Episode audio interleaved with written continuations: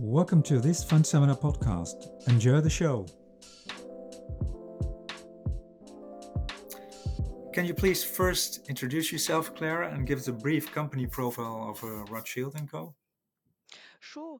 Um, thanks a lot uh, first for welcoming me here. So, um, I'm Klara Sok, and uh, I'm uh, the co manager of Rothschild's blockchain fund.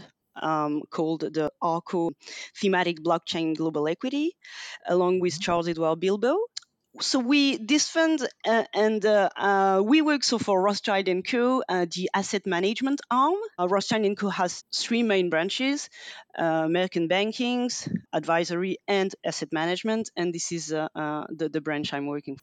Welcome to the podcast. Today's topic is blockchain technologies. Why this particular topic? Uh, why blockchain technology? Blockchain technology is actually the future of digital infrastructure we all heard a lot about cryptocurrencies and all the ecosystem that has been built around uh, through the press, etc. The way I'd like today to talk about blockchain is really from the infrastructure perspective. Mm-hmm. So, blockchain is the technological platform that allows these cryptocurrencies to, to, to be exchanged, transferred, etc. And also uh, for other types of data to be processed in a secured, transparent, and verified way. So, why blockchain and how uh, actually can we really look at this, the topic today is really from how companies are using it to make their processes more efficient and likely benefit from networks effects that uh, this technology allows. Ah, that makes sense. Can you give us some concrete examples of this? Sure. I can give you a couple of examples from several industries. Maybe I can start with with uh, kind of the food industry. Please. You know that we've all seen all these scandals about food, where it comes from. Uh, companies, customers, and companies actually uh, have uh, uh troubles really trusting where the food comes from. Uh, blockchain can actually be used and is used by food companies and namely retailers like grocery stores, etc., to really track the provenance of, of their food. Uh, so, for example, I'm thinking about uh, uh, an example. It's kind of a French example from a Carrefour, uh, kind of a grocery store, mm-hmm. um, and uh, they did it actually a couple of years ago for a chicken that they actually have on their kind of own brand. Uh, they wanted actually to really show the customer that uh, this chicken was raised within quality standards, and they built a supply chain uh, layer, let's say, thanks to a blockchain technology that actually tracks point by point from the egg to, to your plate, I'd, I, I would say, where the chicken uh, goes and what controls actually are made at each stage of the kind of production and distribution process. Um, so for food, it actually makes sense to use that technology because supply chain, provenance, control, verification is very important. If we look at another consumer good uh, industry that is also like food but in different way pretty demanding we can we can mention the luxury industry LVMH and Richemont, so the two largest uh, luxury group, actually made an alliance and a consortium to create a blockchain dedicated consortium company called Aura. This company, uh, which has been actually set up by my two competitors, and it's pretty interesting here. And uh, you'll see maybe uh, later in the podcast that uh, with with blockchain technology, this happens a lot because of the networks effect. So LVMH and Richemont really built this company to help the luxury industry upgrade the way actually they track, verify, and communicate the quality standards that they put on the products. So it's kind of, I would say, the same as for a chicken, but it's pretty different in terms of standards. That's why it makes sense actually to create consortiums based on industrial standards. And for the customer, actually, it makes sense, and for the producers as well. We also have pretty good examples, concrete examples in the financial industry.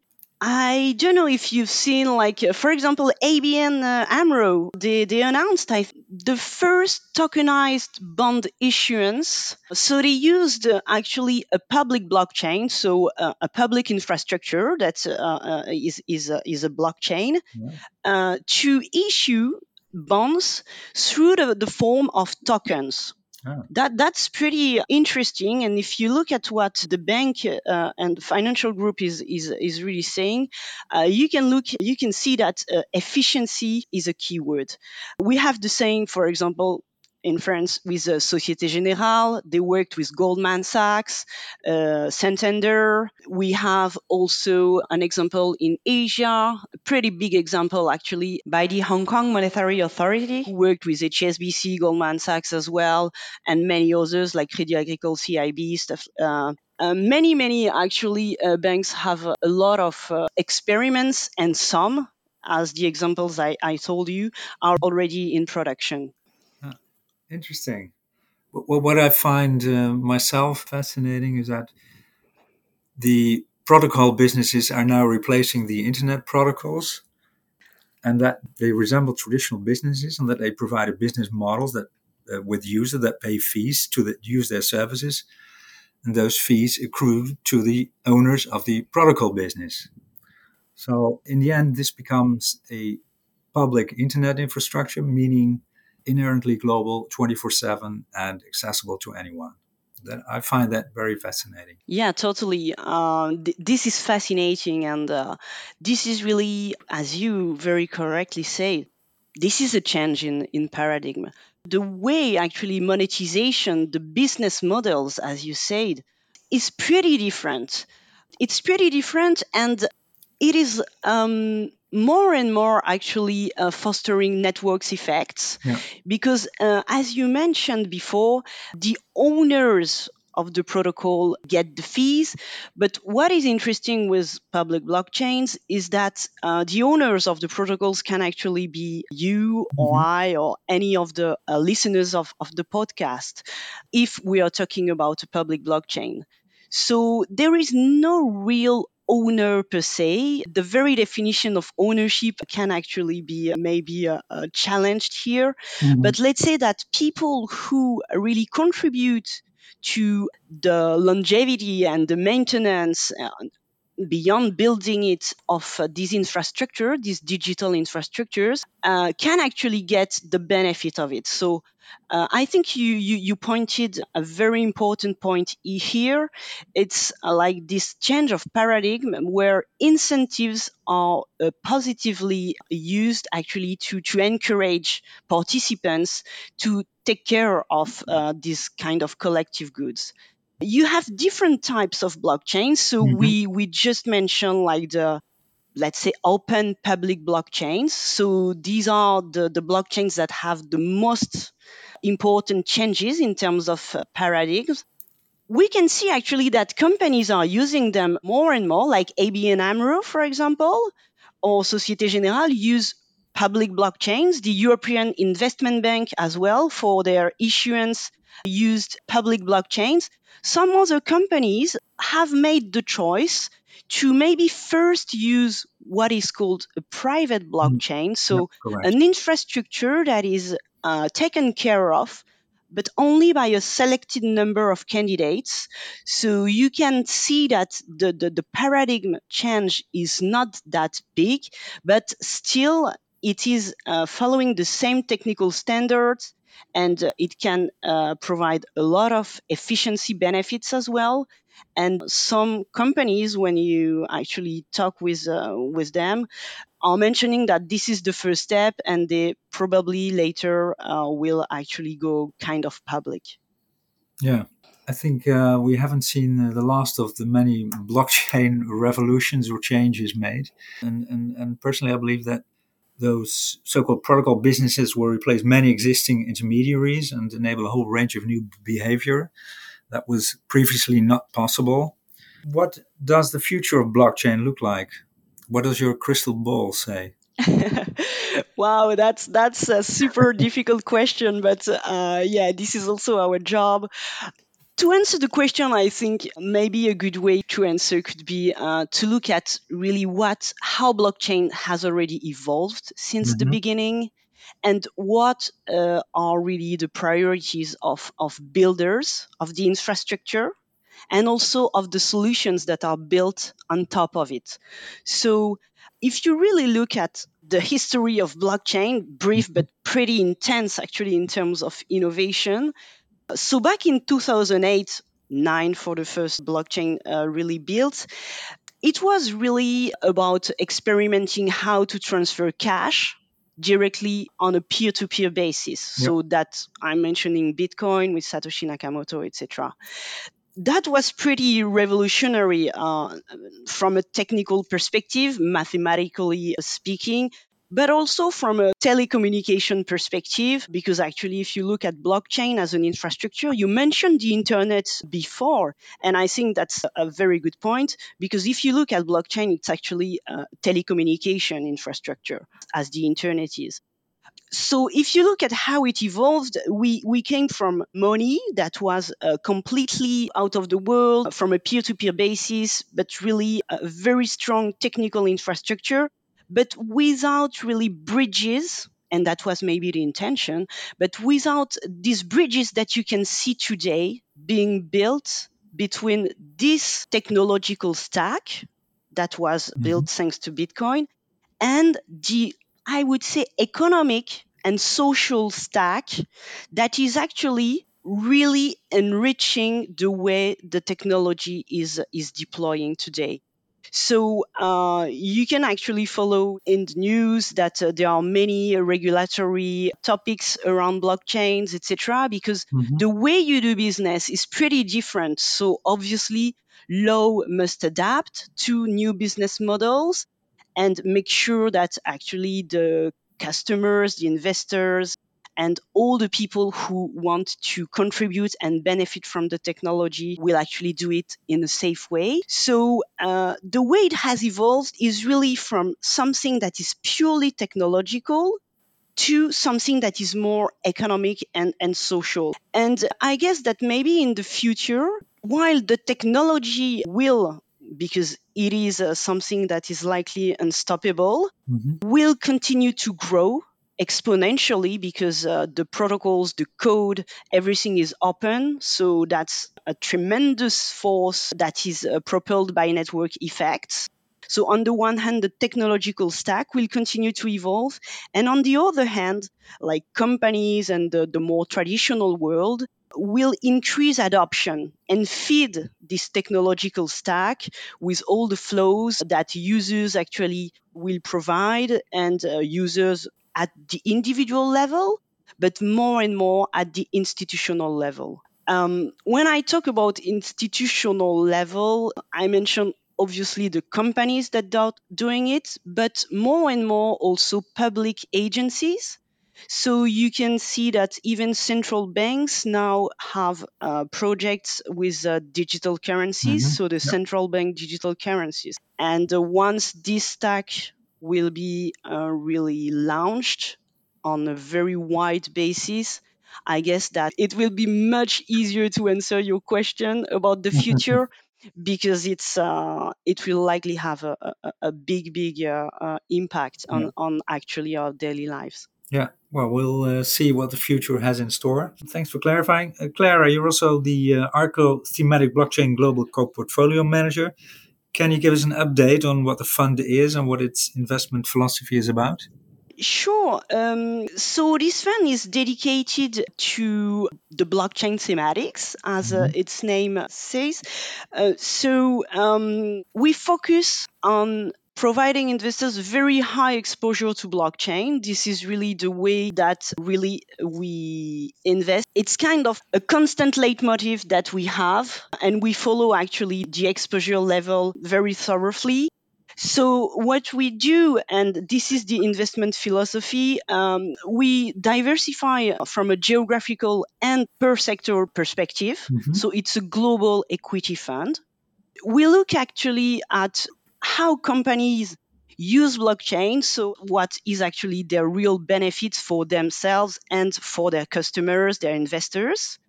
Uh, so we go through a pretty uh, thorough process of uh, analyzing really how the technology is impacting the economic aspects. And we also have this fund is also open to a small portion to private companies uh, the idea is actually to provide the pioneers, investors, like some exposure to companies who are still private, but who have a window of liquidity of 24 to, to 48 months. And the, uh, the portfolio management is agnostic in terms of style? That- yeah, obviously we are focused on secular growth themes, but we are not closed to also cyclicals. So uh, it's agnostic in terms of style. We have an opportunistic management style. So we don't want to put any barriers on the way we select the companies. But as Rothschild and Co. Asset Management, we have a double process, bottom up, agnostic in terms of style, but also top down, looking at the economic cycles, etc. Yeah. Excellent. Final question What is your key message to the Fund Seminar audience, being independent wealth management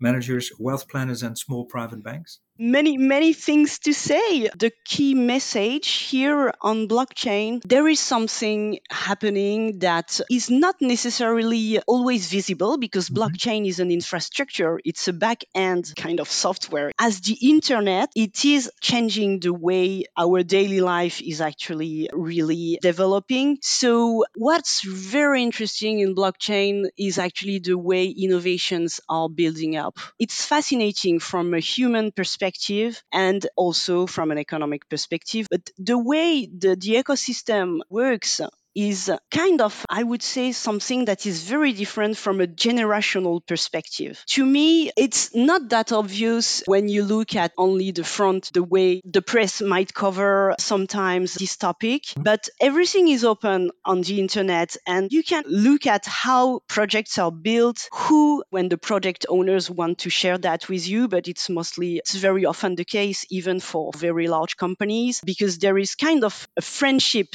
among innovators. And that explains why the innovation goes that fast. Because actually, the technological transfer is global, it's 24 7 as you said, for the markets, mm-hmm. but also for the technology, because you use platforms like GitLab or GitHub, for example, that allows developers to really communicate in an open way uh, with each others, and that goes very fast. I would say if there is one message I'd like to share is like look at it from a technological but also an innovation perspective. How does that change the way companies do business? How does that change their business models? How does that change the way uh, value is distributed? along the value chain and that gives all of us an edge and to be prepared to this very near future that we are actually already in so yeah that that would probably me, my key message. Excellent. Thank you very much. Hope to see you uh, next time and hope to see you on uh, the 28th of uh, September. Thank you very Thank much. you. Uh, hope to see you all on the 28th of September and looking forward to it. You've been listening to a Fund Seminar podcast brought to you by Cognito Amsterdam. Thanks for listening.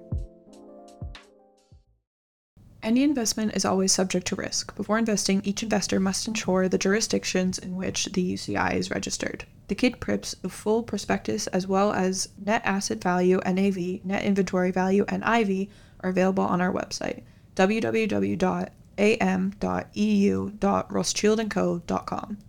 This podcast should not be considered as investment or tax advice, or as an investment recommendation from Rothschild & Co. Asset Management. The information, opinions, data mentioned in this document considered legitimate and correct on the day of publication in accordance with the economic and financial environment in place at that date, are subject to change at any time.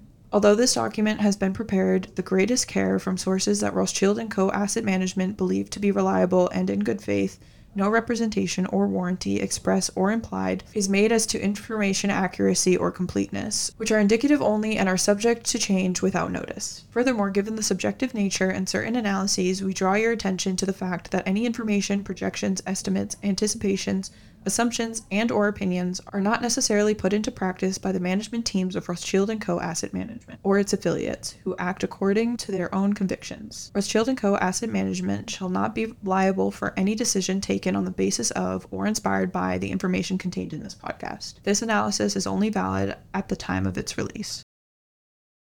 Rothschild & Co Asset Management, organized under the laws of France, registered with the Trading Companies Registered of Paris RCS Paris 824540173, a management company licensed by les autorités des marchés financiers under numéro GP17000014, having its registered office 29 Avenue de Messine, 75008 Paris, France.